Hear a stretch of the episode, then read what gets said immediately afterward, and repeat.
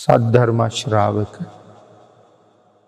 කාරුණික ගුණගරුක බෞද්ධ පින්නතුනී බොහෝම ශ්‍රද්ධාවෙන් යුක්තව සියලු දෙනාම සූදානන් වෙන්නේ තිලෝගුරු සාන්තිනායක සම්මා සම්බුදුරජාණන් වහන්සේ විසින් ලෝක සත්වයන් පිළිබඳව අනුකම්පාවෙන් අවබෝධ කරගෙන දේශනා කොට වදාළ අති උතුම් ශ්‍රී සද්ධර්මරත්නයෙන් ඉතාම පුංචි කොටසක් දේශනා කරවගෙන ධර්ම ගෞරවය පෙරදැරි කරගෙන දේශනාගත ධර්මය ශ්‍රවණය කරලා මෙලව ජීවිතය ධර්මානුකුළුව නිවැරදි කරගෙන පරලෝකගත ජීවිතයේ සුගතිගාමී කරගෙන ප්‍රාර්ථනා කරන බෝධීෙන් සැප සහිත ප්‍රතිපදාවෙන් ඉතාම ඉක්මං භවයක උතුම් චතුරාර් සත්‍ය ධර්මය අවබෝධ කරගෙන සසරින් එතරවීමේ බලාපොරොත්තු ඇතුවයි. පිඩතුන අද ධර්ම දේශනාවේ මාතෘකාව හැටියට මම යොදාගන්න කල්පනා කළේ ධම්මපද පාලියේ සඳහන් වන භාගිතුන් වහන්සේ දේශනා කොට වදාළ උතුම් ගාථාරත්නයක් මාතෘකාව බෞඩ් පත් කරගන්න. පුප්පානිහේව පචිනන්තං ව්‍යාසත්ත මනසංනර අතිත්තං ඒවකාමේසු අත්තකෝ කුරුතේ වස. අපේ භාග්‍යතුන් වහන්සේ සැවැත්නුවර ජේතවනාරාමය වැඩඉන්න කාලි මේ ගාථාරත්නය දේශනා කොට වදාලි භික්‍ෂූන් වහන්සේලා බුදුරජාණන් වහන්සේගෙන් අහපු ප්‍රශ්නයකටත් පිළිතුරු සපයමු. මේ ගාථාරත්නයේ සරල තේරුම පිළිබඳව අපිටිකක් කල්පනා කරල බැලුව පුප්පාන් හේව පචිනන්තන් ව්‍යාශක්ෂ මනසං නල. මහනෙන මෙ මිනිස්සුන්ගේ හිත බොහෝම තදින් පංචකාම සම්පත්වල ඇලෙනවා. බොහෝම තදින් ඇලුණු සිත් ඇති පුද්ගලයා සෑහීමක් නොලබාම මරණයට පත්වෙනවා.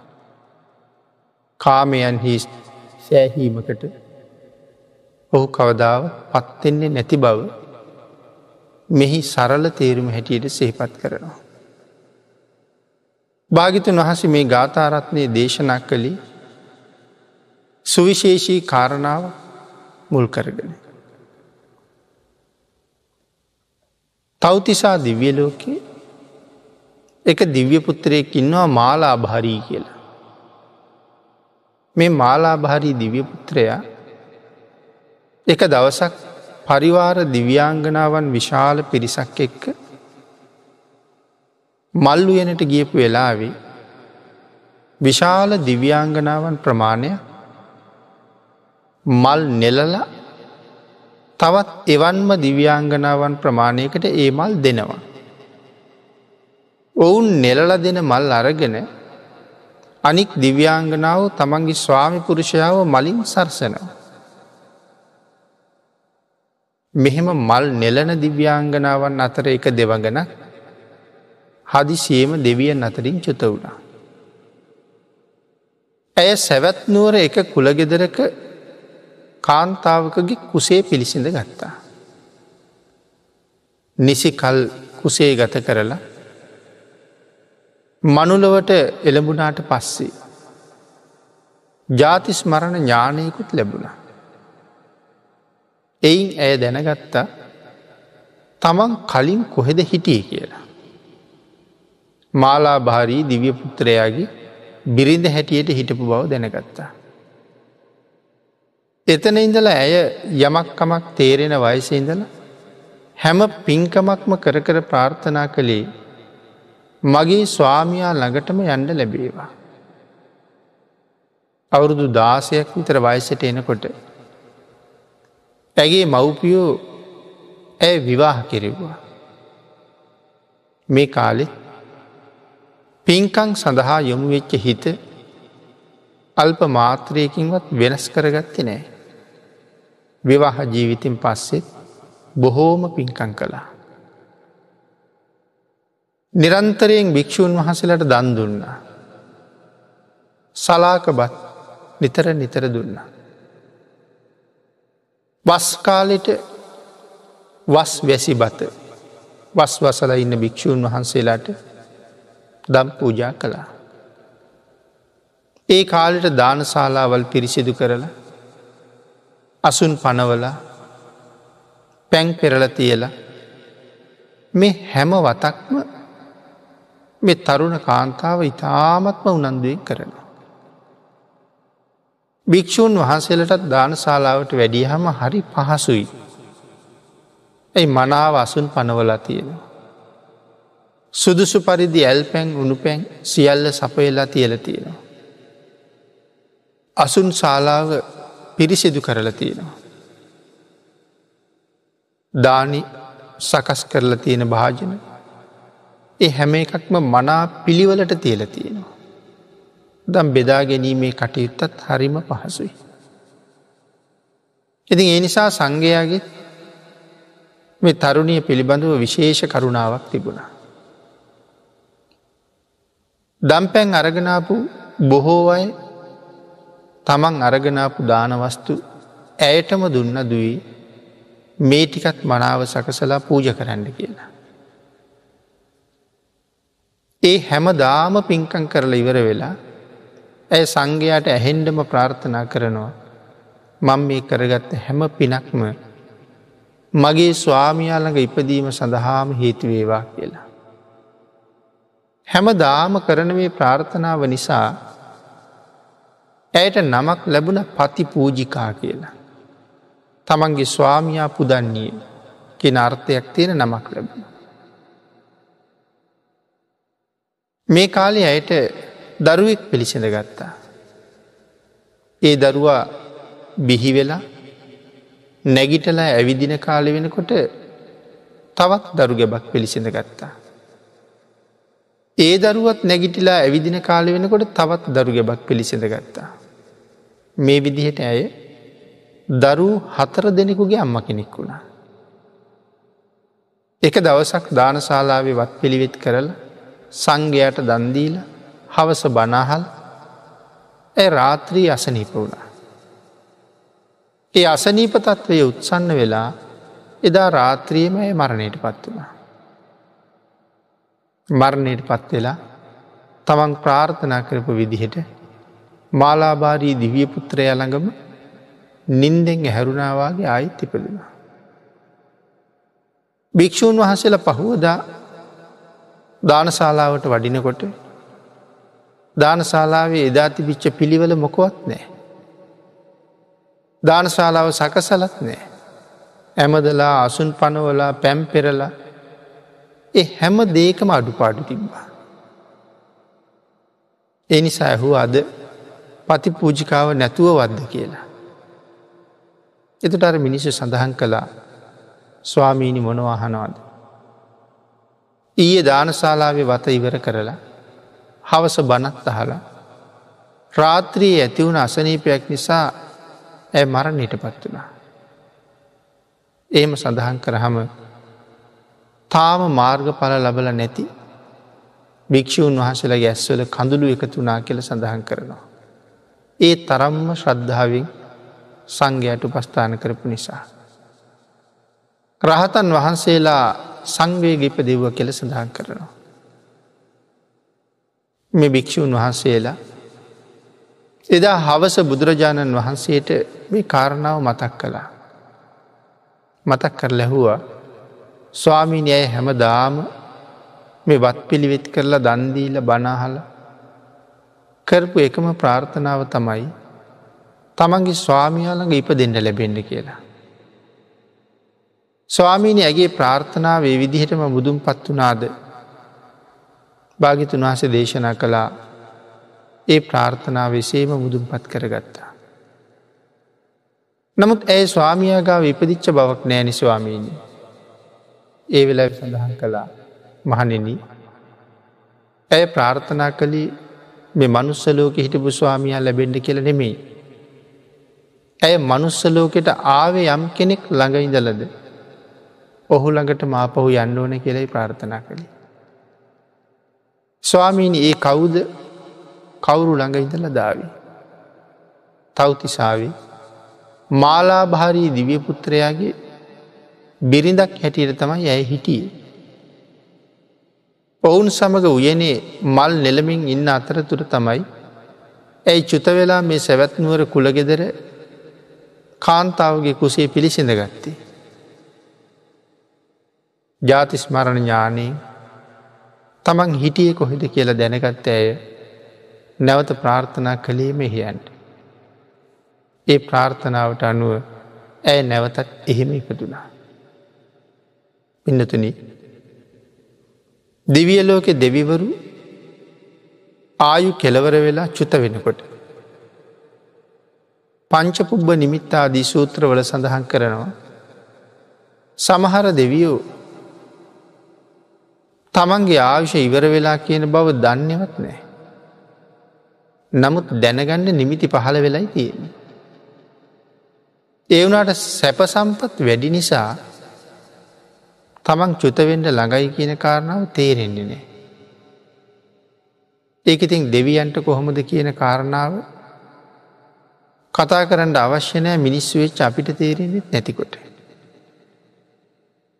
ආයුෂයෙන් පිරිහිලා බව අපිට කියාපාන සාධක කොච්චර අපි අතර තියෙනවා. අරගනාපු ආයුෂයේ පිරිහුණා වුණාට අපේ කෙලෙස් සිත් වැඩුන මිසක් එහි පාලනය වීමක් තිබුණේ නෑ. එනම් ඒ වගේ නං අපිට දෙවියන්ට කොහොම සැප සම්පද්ද වෙන්නතුන. මෙච්චරක් කියල සීමාවස් කඳහන් කරන්න බෑ. මනුස්සලෝකය උතුම්ම සැපය බුක්ති විදින කෙනෙක් තමයි සක්විති රජ්ජුරුව කියන්න. සඳහන් කරනවා සක්විති රජ්ජිරුවන්ගේ සැපය උපමා කරන්න හිමාල පර්වත ඇත්ත එක්ක. භාගිතුන් වහන්සේ කුඩා ගල් කැටයක් කරගෙන භික්‍ෂූන් වහන්සේලට පෙන්නලා සඳහන් කරනවා මහනිනි සක්විති සැපය මේ කුඩා ගල් කැටේ වගේ. දෙව්ලව දෙව් සැපය අර හිමාල පර්වතය වගේ කියලා. එතකොට එහෙමනං ඒ තරං සැපයක් තියෙනකොට තමන්ට චුතවෙන්ඩ නිමිති පහළ වෙලා කියලා හරියටම සිහියෙන් හිටිය නැත්තන් තේරෙන්නේ. ඒ නිසා චුත වෙනකම්ම දන්නේනේ. සමහරයනම් චුත වෙලා නිරේටම යන. සමහරය මනුස්සලෝකයා පහු උපදිනවා. දෙවියන්ට චුතවීමේ නිමිති පහළ වුණහම සමහර දෙවියනං හරීම සතුටුයි. එකැනි මරණයට පත්වෙන් නිසා සතුටුද. මරණයට පත්වෙන නිසා නෙමෙයි මේ සතුට. මැරුණට පස්සේ ඊට වඩා හොඳ තැනක උපදින බව දන්නවා. ඇයි දෙවියෙක් හැටියට කරගත්ත කුසල් ගොඩක් තියෙනවා. දෙව්ලවට යන්ඩ මනුලවදි කරගත්ත මහා පින්කං වලින් බොහොම ටිකයි ඒ දිව්‍ය මේ ජීවිතයේදී වියදං වෙලා තියෙන. තව හුඟක් පින් තියෙනවා. ඒ නිසා දෙවියෙක් හැටියට කරගත්ත කුසලයයි. මනුලව කරගෙන ඉතුරුණ කුසලයයි දෙකම එකතු වෙලා මීට වඩා උසස් දිව්‍ය තලයක උප්පදවන්න පුළුවන්කම තියෙනවා. ආං ඒ නිසා බොහෝම සතුටින් තමයි ඉන්නේ චුතවීමේ නිමිති පහළ වුණා. පිනතුන මනුස්සලෝක ජීවත්වෙන අපි මේ ලෝකෙ කරගත යුතු අර්ථය හරියටම සම්පූර්ණ කරගත්තු. අපි මෙහාට ආවෙ මොකටද අපි විසින් කළ යුත්තය මොකක්ද. මොකද දැන් අපි සඳහන් කලානේ සමහර දෙවියෝ චුතවෙන්ඩ ලෑස්ති වෙනකොට අඩනවා. සමහරය සතුට වෙනවා. සමහරය චුත වෙන බව දන්නෙම නැතුව චුත වෙලායනවා. ඕක මැද්ද ඉන්න පිරිස තමයි අඩන්න. නිමිති පහළ වෙලා බව දැනගෙන අඩනවා. එතකොට තාම නිමිති පහළ වෙලා නැති අන්‍ය දෙවියෝ ඇවිල්ලා අර හඬමින් ඉන්න දෙවියන්ව සනසනවා. පින්වත අඩන්ඩිපා පිනතින ඇඩුව කියලා මරණයෙන් බේරෙන්න්න බෑන. මරණයෙන් බේරෙන්ට පුළුවන්නම් අඩන්ඩ පුළුවන්. ඇඩුව හම බේරෙනවන ති අන්නට තිබ්බා. නමුත් ඇඩුව කියලා මරණයෙන් බේරෙන්න්න විදිහක් නෑ. ආං ඒ නිසා සඳහන් කරනවා පින්වත අඩන් එපා. ඔබ මෙහෙන් චුත වෙලා සුගතියට යන්න. ඒ සුගතියට යන්න කියලා ගැන මනුස්සලෝකට යන්න කියලා. දෙවිය සුගතියට එනවා කියලා මෙහේනවා. මනුස්සලෝකට යන්න. ඒ මනුස්සලෝක හොයාගන්න තියෙන හොඳම දේ හොයන්න කියල කියන්නේ. වටිනාමදේ හොයාගන්න කියන. ඒ තමයි එහෙම් මෙහෙන් කලවන් වෙච්චි නැති. භාගිතුන් වහසගේ ශ්‍රේමකහෙෙන්ම දේශනා කළ පිරිසිදු නිර්මල ධර්මරත්නය හොයාගන්න කෙළෙකි. ඊළකට සඳහන් කරනවා ඒ තුළ මනාව පිහිටන්ඩ. ඒ ධර්මය හොයාගෙන ධර්මයෙන් යමක්ද භාගිතුන් වහස දේශනා කළේ ඒ විදිහට ජීවිතය හදාගන්න. ශ්‍රද්ධාව ඇති කරගන්න.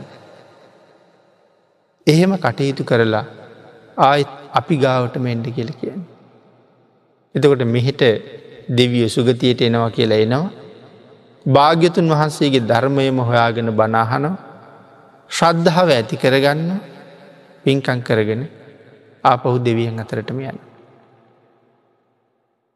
එතකොට පින්නතින අපිත් එහෙම ආපු අය අපි අතර කොච්චර ඇද්ද. එතකොට අපි ආවේ මොකටද කියන කාරණාව මං මුලින් සඳහන් කළ ඒකයි. නිර්මල ධර්ම පර්යාප්තියට අනුව ජීවිතය ගොඩ නගල බොහෝ කුසල් දහම් රැස්කරගෙන සිල්ගුණ ආරක්ෂා කරල නැවත ආපු අව්තැන්වලට යන්ඩ තමයි අපි ඇවිල්ල තියෙන්නේ. එක තමයි අපේ කාර්ය. නමුත් ඒ කාරයේ යෙදෙන අය කොච්චරනං අඩුද සමාජයේ දිහා බලහම සුගතියට යන්න වැඩ කරනවට වඩා දුගතිගාමී වෙන්ඩ උත්සාහ කරන අය තමයි අපි දකි. ඒකට හේතුව ඒකට හේතුව තමයි පිඩතුන පළවෙනි කාරණාව අපි ආවෙ කොහහින්දලද මොකටද කියන එක දන්නතික. නොදැනගණ්ඩ හේතුව තමයි මැරිලා ඉපදිච්ච නිසා. මැරිලා ඉපදිච්ච නිසා මතකනේ.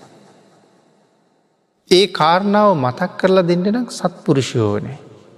විශේෂයෙන් ධර්මයෙන් අපිට කරුණු කියනවා. දැනුත් අපි මේ දැනගන්නේ ධර්මයෙන්නේ කොහෙඉඳල දාව මොකට දාවි කියන. ආගේ නිසා ඒගොල්ලු පින්කං කරලා ආපහු සුගතියම ගිහිල්ල උපදිනවා. එන අපිත් උත්සාහ කරන්න ඕන අපි එන්ඩ ඇත්තෙ මොකක් කරන්නද අපි එන්ඩ ඇත්තෙ කොහෙඉඳලද මේ කරන්නේ ආපු කාර්යද කියන කාරණාව අපි හැමෝම හිතන්ඩු. අර දිව්‍යාංගනාව දිව්‍යපුත්‍රය ළඟ නැවත උපත්තිය ලබහම මේ දිව්‍යපුත්‍රය කියනවා දෙව්දුවනියනි සෑහෙන වෙලාවක් මං ඔබ දැක්කෙනෑ කොහෙද ගිය කියලා. ඇයි සඳහන් කරනවා ස්වාමීනී මන් දෙව්ලවින් චුත වෙලා මනුලව ගිහිල්ල ඉපදුනා කියලා. කොහෙද ඉපදුනේ සැවැත් නුවර කුල ගෙදරක ඉපදුනා. ඒ කාලේ විවාහ වනාදි කෙලෙහුවා. එහෙමයි ස්වාමී. කොච්චර කල්හි හිටියද. ඇය සඳහන් කරනවා මවකුසේ සිටිය යුතු කාලයේ මවකුසේ හිටිය. ඉපදුනාට පස්සේ අවුරුදු දාසයක් ආයුෂ ගෙවුනට පස්සේ මව්පියෝ මාව විවාහ කෙරෙව්වා. මං ඒ කාලෙ බොහෝ පින්කං කර කර ඔබෝහන්සේම ප්‍රාර්ථනා කළා. විවාහයෙන් පස්සේ මට දරු හතර දෙනෙක් ලැබුණ. මන් දරු හතර දෙනෙකුගේ අම්ම කෙනෙ. එක දවසක් සංග උපස්ථාන කරලා හැන්දෑවෙ බණහලා රාත්‍රී අසනීප වෙලා මං හදිසේ මැරුණා. මැරිච්ච ගමන් මගේ ප්‍රාර්ථනාව මුදුම් පත් කරෝමින් මං ආයිත් මගේ ස්වාමී අළඟ ඉපතුනා. ඔබ වහන්සනකට ආව කියල සඳහන් කළා. එවෙලාවි දිවිපුත්‍රය අහනවා දෙව්දුවනීනි ඒ කියන්නේ මනුස්සලෝක ආවුෂය ඒ තරම්ම කෙටීද කියලා. දැන් ඇය මැරිලා උපදිනකොට මේ දෙවිය කොහෙද ඉන්නේ. අර දිව්‍යාංගනාව තාමත් මල් නෙලනවා. අනි දිව්‍යාංගනාව තාමත් ස්වාම්පුරුෂාව සරසනවා. එතකට එහෙන් චුත වෙලා මෙහයාපු කෙනා දරු හතර දෙනෙකුගේ අම්ම කෙනෙකුත් වෙලා මැරිල ගිහිල්ල එහි උපදිනකොට තාමත් ඒගොල්ලු අර එදා කර කර හිට වැඩීමයි කරන්න. එකට හේතු මේ තෞතිසාාවෙන මේ මාලා භාරි දිවි පුත්‍රය ඉන්නේ. පින්නතින තෞතිසාාවේ එක දවසකට අපේ අවුරුදු සීයක් ඕනේ. ඉතින් එතකොට අවුරුදු සීයක් ජීවත් නොවී මැරිල යනවා කියන්නේ තෞතිසාාව දවසක් ගෙවිල නෑන්නේ. ඒගොල්ල ඒ පරණ වැඩීම තමයි තාම යෙදිලෙන්නේ. එනිසා අහනවා දෙව්දුවනියන්නේ මනුස්සලෝක එච්චර අවශ්‍ය නැද්ද. අනේ නෑ ස්වාමීණී. සීයකටත් අඩු. දිව්‍යපුත්‍රය අහනවා. මනුස්සලෝක මිනිස්සු බොහෝම යුහුසුලුව පින්කං කරනු ඇති නේද. අවශ්‍ය එච්චර කෙටි නිසා. ඇය කියනවා අනේ ස්වාමීණි මොනවාහනවාද. ඒ මිනිස්සුන්ගේ කල්පනාව හරියට ඒ මිනිස්සුන්ට අසංකෙයට අවශ්‍ය තියෙන වගේ. මැරෙනවා කියල කල්පනාවක්වත් නෑ.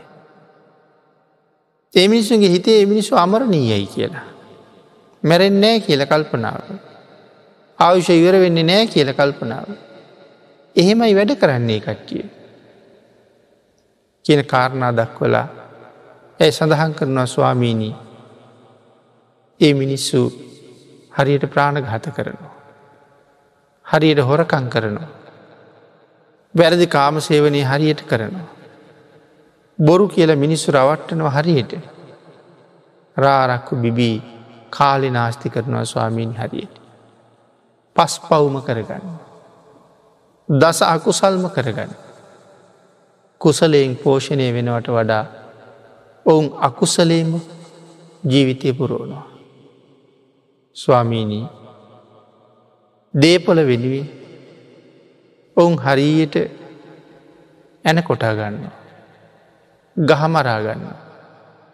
ඇය සඳහන් කරනවා ස්වාමීණී ශස්ත්‍රියෝ ශස්ත්‍රියය එක්ක වාද කරනවා සටන් කරනවා. බ්‍රාහ්මණයෝ බ්‍රාහ්මණයොත් එක්ක වාද කරගන්න. වෛශ්‍යයෝ වෛශ්‍යයොත් එක්ක ශුද්‍රයෝ ශුද්‍රයොත් එක්ක මේ ඇන කොටා ගන්නවා ගහමරා ගන්නවා. රජවරු රජවරුත් එක්කද. සිටුවරු සිටුවරු එක්කද. මැති ඇමතිවරුද මේ වාද කරගන්නවා ගහමරා ගන්නවා. ස්වාමීනී අම්ම පුතත් එක්ක රණ්ඩු වෙනවා. පුතා අම්මත් එක්ක රණ්ඩු වෙනවා. තාත්තා පුතා දුව එක්ක රණ්ඩු කරනවා.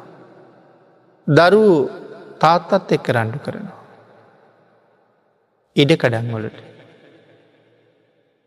වතු පිටිවල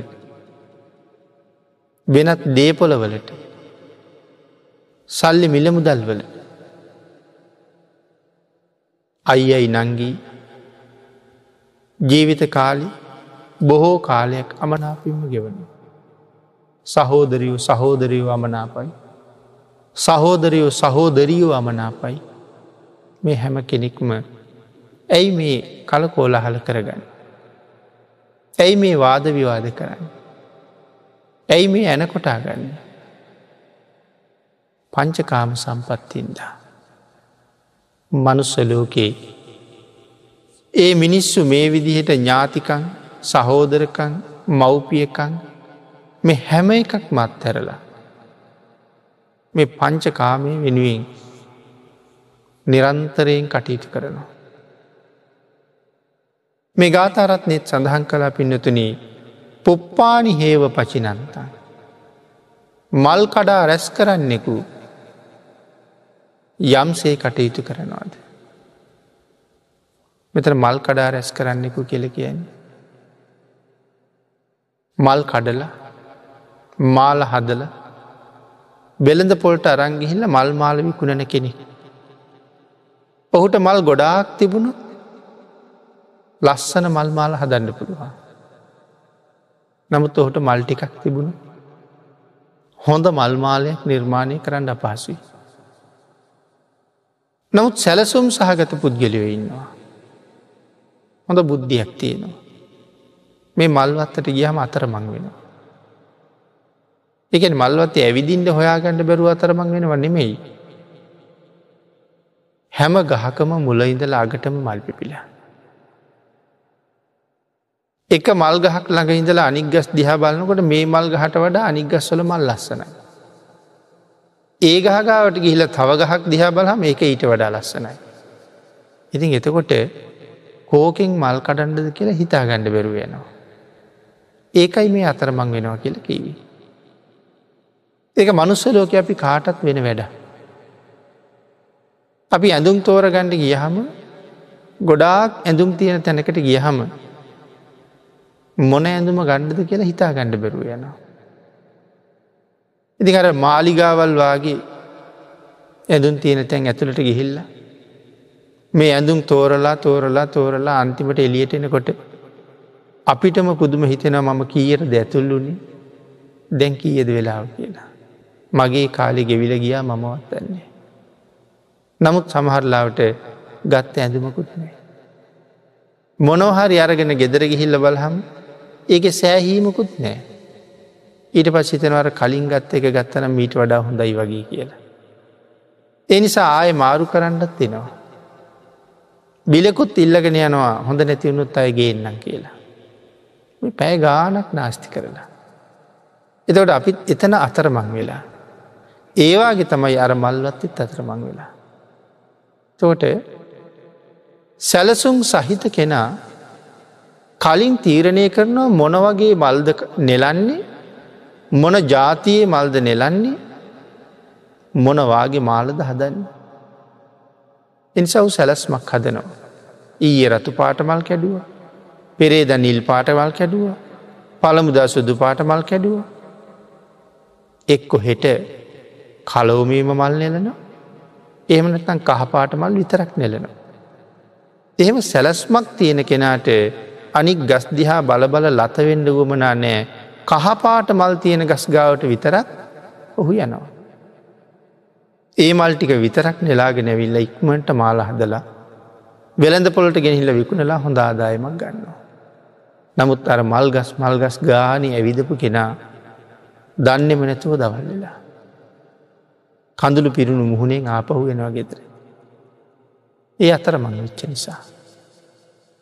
පිඩතුන මෙතන මේ උපමාවක් ඒම පෙන්නවා ඊළඟට ආය පැහැදිලි කරනවා. ඒ කතා කරන මල්වත්ත තමයි ඔබත් මමත් ජීවත්වෙන මේ ලෝකයේ. අපිට මල් නෙලන්ඩ තියෙනව ගෂ්ටික තමයි මේ පංචකාම සම්පන්. මල්කරුව තමයි මේ ඉපදිලා ඉන්න මිනිස්සු. ආන්ගේ මිනිස්සු ඇහැ පිනවන දේවල් දැක්කහම ඒ ඔස්සේම යනවා. කන පිනවන දේවල් දිව පිනවන දේවල් නාසේ පිනවන කය පිනවන මේ දේ. පින්නතුනේ අපේ ජීවිතයේ රස්තියාද වෙලා තියෙන්නේ මේ කාරණා පහළඟන මේදි කියල හිතල බලන්ට. මේ පංච ඉන්ද්‍රියන් පිනවන්ඩ තමයි මුළු ජීවිත කාලෙම ගත වෙලාතිී. එතන සැපක් තියෙනවද කියලා හිතල බැලුව. ඒ තුළ කිසිීම සැපයක් නෑ පින්න. නැත්තෙම නෑ සැපයක් නැත්තන් අපි ඒවට යන්නේ න. ඒවගේ තියෙනවා ස්වල්ප වූ සැපයක්. නමුත් මද වූ සැපයක් තියෙනවා දීර්ග වූ දුකක් තියෙනවා. ස්වල් පාස්වාදයක් දීර්ඝ දුකක් තියෙන. එන මේ පංචකාම සම්පත්. භාගිතුන් වහස දේශනා කළා මන අවබෝධයම කටයුතු කරන්න ඕනේ. ඒම නැත්තන් අපට හරියට අකුසල් රැස් කරවන. අපේ ජීවිතය හරියට රස්තියාදු කරවන. මැරණකම් අපිට ඒක තේරෙන්නේ. අපි බොඩින් සඳහන් කළා මරණයේ නිමිති මිනිස්සුන්ටත් පහළ වෙලා ඉතියෙන්නේ. එවුනට මං නිමිති පහළ වුණ කෙනෙක් බව නොදැනෙන්නේ මේ පංච කාමය තුළ අන්ද විච්ච නිසා. වත්කම් සහ කෙලෙස්කාම මොනර්ද මේ වත්කම් කියල කියන්නේ වස්තුකාම ඇස කන්න නාසය දිව ශරීරය. ඇසට අරමුණු වෙන රූප කනට අරමුණු වෙන ශබ්ද දිවට අරමුණු වෙන රස නාසයට අරමුණු වෙන සුවද ශරීරයට පහස. මේ තම වස්තුකාම. ක්ලේසකාම කියල කියන්න එතකොට. මේ ඇහෙන් දකින දේවල් කනෙන් අහන්න දේවල් මේ ආදි වශයෙන් රූප ශබ්ද ගන්ධ රස ඉස්පර්ශය මේ දේවල් සම්බන්ධයෙන් අපේ හිත තදින් බැඳෙනවා. ඒ බැඳුනට පස්සේ අපිට ඒ දේවල්ම හොයන්ඩ හිතෙනවා. ඒක තමයි ක්ලේසකාම කියල කිවි. යම් තැනක රසවත් ආහාරයක් අනුභව කලාන එදා ඉඳලා එතෙන්ටම යන්ඩ උත්සාහ කරනවා. ඒ තැනම හොයනවා. යම් තැනකින් ලස්සන රූප දකිනවන හැම දාම එතෙන්ට යන්ඩ හිතෙනවා ඒ ලස්සන රූප බල. මේ අදි වශයෙන් අපේ හිත තදින් ඇලිල ්‍යාසත්ත මනසං නරන් මිනිස්සුන්ගේ මනස බොහෝම තදින් ඇලෙනවා මේ පංචකාමී. එතොට වත්කම් කෙලෙස්කම් කියල සඳහන් කළේ. මේ කාම සම්පත් ඔස්සේ ඇලිලා කාලයේ නිකාම නාස්ති වෙලා ගිහිල්ල. අපිට තේරෙන්නේ වයස ගිහිල්ල බව. නමුත් දැන් වයස හුඟක් ගෙවිලා. මෙලව අතහැරල යන්න කාලි ලංවෙලා. නමුත් අතහැරල යනකොට ගෙනියන්න හම්බ කරගත්ත දෙයක් නෑ. හම්බ කරගත්ත හැම දෙයක්ම මේ මහපොලෝ උඩ දාලයනේවතම හම්බ කරලා තියෙන. ගෙනියන දෙයක් නෑ. අනිත් එක තමයි පිනතුනේ මන් සඳහන් කලාන මද වූ ආස්වාදයක් මේක තියෙන්නේ කියලා. මේ කාම සම්පත්වල තියෙන්නේ ස්වල්ප වූ ආස්වාදයක්. මේ ස්වල්ප වූ ආස්වාදය නිසා අපි කොයි තරම් දුක්බිඳිනවද කියලා හිතල බලන්ට. යම් කෙනෙකුගේ ජීවිතයකට අලුතෙන් යමක් එකතු වෙනවා කියලා කියන්නේ හැම වෙලාම කරදරය. අපට හිතෙන්නේ සැපතක් කියලා. ඉතාම කෙටි මනුස්ස ජීවිතය සිහියෙන් ප්‍රඥාවෙන් ගත කරන්න බැරිවුණු නිරයම තමයි නතර වෙන්ඩ. සතර අපාය ඉතාමත්ම භයානකයි. අති දීර්ග කාලීන අවශ්‍ය සමර තැන්වල සඳහන් කරනවා ප්‍රේත ලෝකොල ඉපදිලා කොච්චර කල් ගත වුණාද කියලා.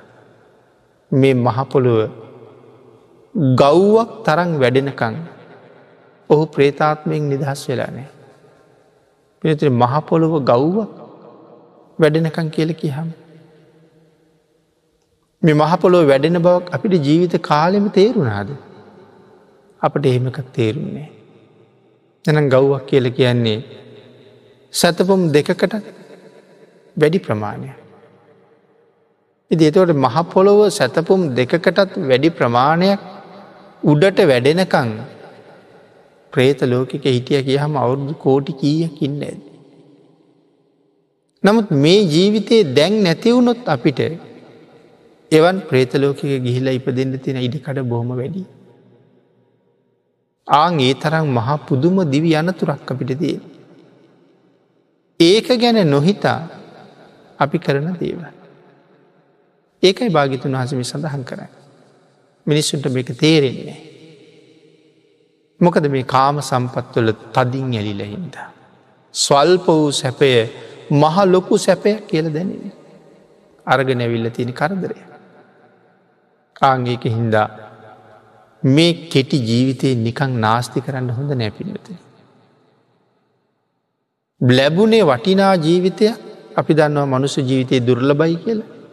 බුද්ධාන්තරයක ලැබිච්චේ ජීවිතයේ තවත් දුර්ලභම ජීවිතයක්. අපිට එවන් අවස්ථාවක් ලැබුණි පෙරපින නිසා සතරාපායෙන් ගොඩට යන්ට. සුගතියෙන් සුගතියට යන්ට පාර හදාගන්න. සංසාරෙන් එතරවෙන්ඩ දොර විවෘත කරගෙන තැනට යන්ට. නමුත් අපි ඒක නොකර කාලි නාස්ති කරනවා හිතන්නකු මහාගයක් හදනවා කෙනෙ. මාලිගාවක් වගේ ගයක් හදනවා. හිතල බලන්නකු ඒගේ සුද්ධ පවිත්‍ර කරන්න කොච්චර කාලි නාස්ති කරන්න වලද කියලා. හදන්ඩ කොච්චර කල් ගියාද දැන් ඒක අතුගාණ්ඩම වරුවක් විතරයනවා. ඒ ටික කරලා ඇඳුම් පැළදුන් ටික සෝදලා තියලා ඇදං පුටු කොට්ට මෙට්ටවල තියෙන දූවිලි ටික පිහල තියලා දවස උයල පිහල විරච්චාම දවස කරයි. පිනත් දහමක් කරන්න කාලයක් තිබුණනේ. නමුත් භාගිතුන් වසේ දේශනා කළේ මඟ එක උදාහරණය මතක් කළි පුළුවන් තරන් සැහැල්ලු ජීවිතයක් ගත කරන්න. අපිට ජීවත්තෙන්ට යම් ප්‍රමාණයක නිවසක් තිබ්බහම එක ප්‍රමාණුවත්මකද අපි මෙහ ආවේ මහ ගෙවල් හද හද ඉන්න නෙමෙයි ආපහු කුසල් කරගෙන යන්ට. එහෙම කල්පනා කරගත්ත හම හැම එකක්ම මනාව සැලසුම් කරගත්තහම් ජීවිතය හරි අපූරුවට සම්පූර්ණ කරගන්න පුළුව. එතකොට මෙලවත් සම්පූර්ණයි පරලෝට අවශ්‍යදීත් සම්පූර්ණයි. ආපු තැනට ආපහු යන්ඩ බොහෝ දේවල් කරගන්න පුළුව. වස්තුව රැස්වෙන්න රැස්වෙන්ඩ ඒත් එක රැස්වෙන්නේ ස්වල්ප වූ ආස්වාදයක් මහත් දුක. හිතන්නක පිඩතුන අපි වාහනයක් ගෙනාව කියලා. ජීවිතයේ මෙතෙක් නොතිබිච්ච කරදර ගොඩක් නෙමේද ගෙදරට ගෙනල්ලතිය. පෙරුම් පුරල පෙරුම් පුරල්ල මුදල් එකතු කරල භාගයක් ගෙවල තව ආයතනයකට කොටසක් නායවෙල ජීවිතයට ලොකු වගකීමකුත් අරගෙන ඇයි මාසින් මාසිටික ගෙව්ව නැත්තන් ඉලකට වාහනය ගෙනන්න. එතකොට ගෙනත් තියෙන කරදර ගොඩ දැන් ඒක දාන්න ගයක් වෙනම හදන්ඩ ඕනේ. වෙනද රෑට බල්ලෙක් බිරුව අපි හරි නිදහසේ නිදාගත්තා. තැන් එහෙම බෑදැන් එලියට එන්ඩෝනේ. වාහනේ දිහා බලන්ඩෝනේ. පොඩි ළමයි සෙල්ලං කරනකොට වෙනද බැලිවෙනේ. දැන් වාහනි තිීන් තැන්ට ළම යනකොට බලන්ඩුවනමක දෙගොල්ලු දන්න සූරන්ඩ පුළුවන් ගහන්ඩ පුළුවන්. දර මේක හෝදන්ඩ කාලයක් ඕනේ. පිහින්ඩ කාලයක් ඕනේ. වෙනම හෝදන තැංගොල්ට ගෙහිල්ල දවස් ගැනන් රස්තියාදුවෙන්ඩ ඕනේ. මිල මුදල් වියදැන් කරන්න ඕනේ. තැඟර වාහනී නැතිකාලි තිබිච්චි නැති කරදර මහ විශාල ප්‍රමාණයක් ගෙදර ඇවිල්ලා. ඒවාගේ ඒවාගේ කල්පනා කරලා බලහම මේ අලුතින් එකතු වන හුඟක් දේවල් සැපක් නෙමේ දුකක් තමයි ගෙනල්ලතිීම. නමුත් පංචකා මේ බැඳිල්ල නිසා ඒක දුකයි කියලා තේරුණේ නෑ. මේ කරුණ පැහැදිලි කරන්න ජාතක කතා ගණනාවක් දේශනා කරනවා භාගිතන් වහස. එයින් එක අපූරු කාරණාවක් තියෙනවා මුදුලක්කන ජාතක කතාව. තාම කිටියෙන් මතක් කරලා අපි ධර්ම දේශනා විවර කරමු. හිමාලීන්න රිෂිවරේ වස්කාලි ගමට එනවා. රජ්ජුරුවන් ගුයන ඇවිල්ල නතර වෙච්චා හම රජ්ජුරු බොහෝම හොඳින් ඇප පස්ථාන කරන හරිම සිල්වන්. රජරුවන්ට එක කාලෙක යුද්ධකට යන්න සිද්ධ වෙනවා. තමන්ගේ දේවීට කතා කරලා කියනවා තාපසතුමාගේ ඇප උපස්ථාන්ටික ඔබේ අතිම්ම කරන්න ඕන කියලා. ඇය ඒක බොහෝම සතුටින් භාරාරගෙන තමන්ගේ අතින්ම දානය හදල තාපසතුමාට දන් දෙෙනවා.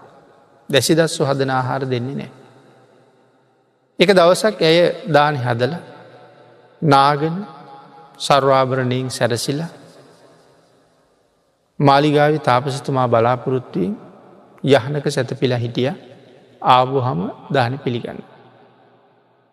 මාලිගාව ඉදිරි පස දොරගොලු අහල තිබුණ නිසා තාපසතුමත් අහසින් මාවි ඇරල්ල තිබුණ ජනෙල් කවුදුවලඟට.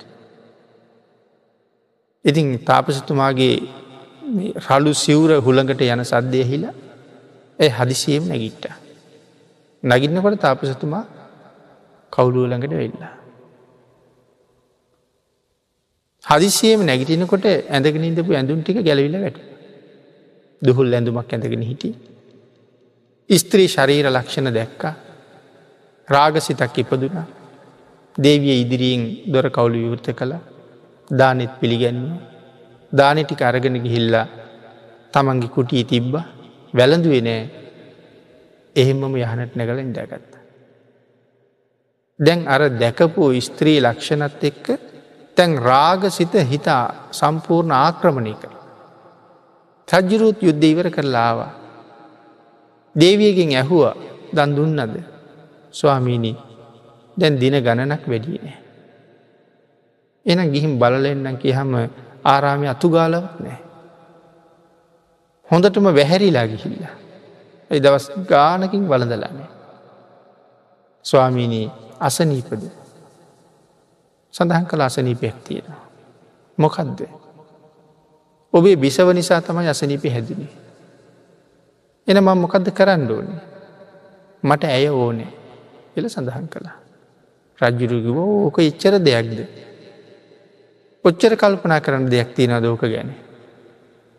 කියල තාපසතුමත් එක්කරගෙන ගිහිල්ල දේවිය සර්වාභරණයෙන් සරසල අලුත් ඇඳුම් අන්දවල තාපසතුමාට පාවදුන්න. දේවීට සඳහන් කළා ඔබේ ආනුභාවයෙන් මෙ තාපසතුමාගේ සීලයේ කොහොමරි රකිින්ඩුව. ඒවෙනුවෙන් ඔබ කටයුතු කරන්න කියල කිවා. හා හොඳයි. තැන් ඇයි තාපස්තුමත් එක යනවා. සෑහෙන දුර ගිහිල්ල කියන ස්වාමීන් දැන් අපිට ඉන්න ගයක් නෑන. මෙච්චර කල් තාපස්තුමාට ගෙවල් හදන් ප්‍රශ්නයක් තිබුණේ. ගිහින් රජරුවන්ට කියලා ගයක් කිල්ලගන්නට කිවා. ආයාව රජරුවන්ට කිය හම සාමාන්‍ය මිනිස්සු පාවිච්චි කරන වැසි කෙලියක් වගේ චූටි ගයක් දුන්න. ගිහිල බලා මේ හරි අපිරිසිදුන. දේවිය කියන මටනං ඕකට එඩ බෑ. තැම එක අතු ගහන්්ඩෝනෑ. හෝ දණ්ඩෝනේ රජ්ජුරුවන්ගෙන් උපකරන ඉල්ලගෙනට. ඒටිකත් අරගෙනාව. අරගෙන ඇවිල්ල ඒටිකත් දීල. ආයගිය හම කියන ස්වාමීණී මට යහනක් ඕනේ. ආයිගිය ඇඳක් ගේන්ට. මට නාන්ඩ වතුරගේන්ඩුවන්. ආයිගියා වතුරගේන්ට. මේ ආදී දැන් තාපසතුමාට කරදර ගොඩයි. මේ ඔක්කොම කරනවා කරදරය කියල හිතන්නේ. මොද කාමයෙන් අන්ද වෙලයින්න. අන්තිමට දෙන්න එක යහනට ගොඩ වුණා නිදාගන්නට. ආගේ වෙලා දේවී අර දිග රැවුලෙන් අල්ලලා රැවුල කපල නෑන තාපසවරය. ඔබ කෞුද කියලා දන්නවද කියලෙක්වා. ඒල හල ඇදල බිමද. එවලේ තමයි මතක් වුණේ මම සසරින් එතරවෙන්ට බවුම් වඩන තවසෙක් කියලා. ඒ වෙලා ආයම නැගිටලා දේවියත් එක රජ්ජුරු ගවට කියලා මහරජ ඔබේ දේවී ඔබම තියාගන්ට. නැවත වතාවක් නැතිවුණ දිහානේ දියුණු කරල හිමාලයට වැඩල මරණින් පස්සේ බඹලො ඉපදුනා. නොතිබ්බ කරදර කොච්චර මේ ආසාාව නිසා එකතුනා. අංගේ නිසා පංචකාමයේ සෑහීමකට පත්වෙන්නේ කවදාවත්. සඳහන් කළා ආංගේ නිසා මේ කාම සම්පත් වලට වසඟ වුණොත් ඔහු සතරා පායුරුම කරගන්න කෙනෙක් වෙනවා. කරදර ගොඩක උරුමක් කාරයෙක් වෙනවා. නිසා සැහැල්ලු ජීවිතයකින් කුසල් දහම් රැස් කරගෙන ජීවිතය පෝෂණය කරලා සසරින් එතරයන්ට මේ මනුස්ස ජීවිතය හැම කෙනෙකුටම බොහොම වටිනවා පින්නතන. ඒක තේරුම් අරගත්ත ඥානවන්තයෙක් විතරයි තමන්ගේ ජීවිතයට හොඳ සාධහරණයක් කරගන්න.